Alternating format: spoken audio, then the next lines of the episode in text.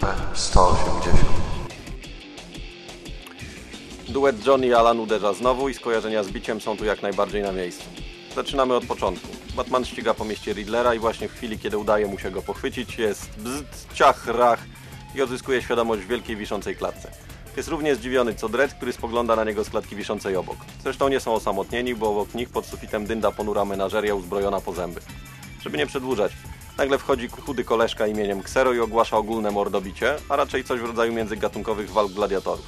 Uszaty oczywiście ma obiekcję przed pozabijaniem całej plejady najdziwniejszych morderców wszechświata, więc Dredd, pozbawiony takich wątpliwości natury moralnej, musi mu kilkakrotnie ratować tyłek. Nie będę tu zdradzał puenty, chociaż nie oszukujmy się, jest równie wyszukana co opisany przed chwilą początek przygody. Jest kilka lepszych chwil, na przykład moment, kiedy żywy koszmar właził Batmanowi do głowy jest jawnym klonem sceny z przestraszonym sędzią śmierć w pierwszym epizodzie. Rykoszet odbity od klaty Mrocznego Rycerza mógłby stać się materiałem na pracę magisterską z balistyki. A śmieszny bandycina w gaciach, który nieszczęśliwie trafił w ten bajzel razem z Dreadem jest okrojoną, chociaż nadal śmieszną wersją Sancho Pansy zapewniającą odpowiedni komizm.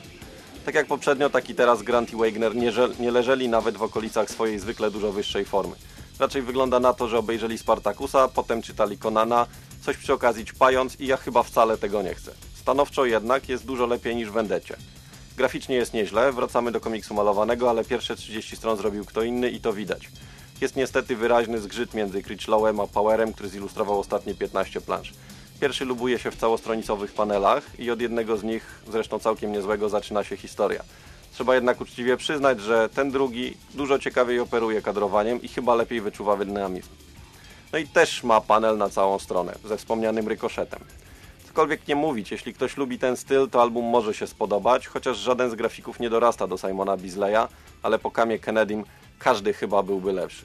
Ciekawe są projekty tych wszystkich nieziemskich zabójców, chociaż mało oryginalne. Zmora w łachmanie ala hałat, dzik w zbroi, dinozaur, robot, no można było się postarać lepiej.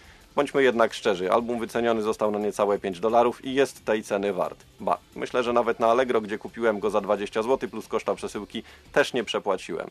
Ale ja po prostu bardzo lubię kupować sobie komiksy z Batmanem, więc jeżeli przygody duetu rycerz-sędzia nie należą do waszych ulubionych, to raczej nie odczujecie jakiejś potwornej straty, jeżeli akurat tą przygodę pominiecie. Pozdrawiam, godaj.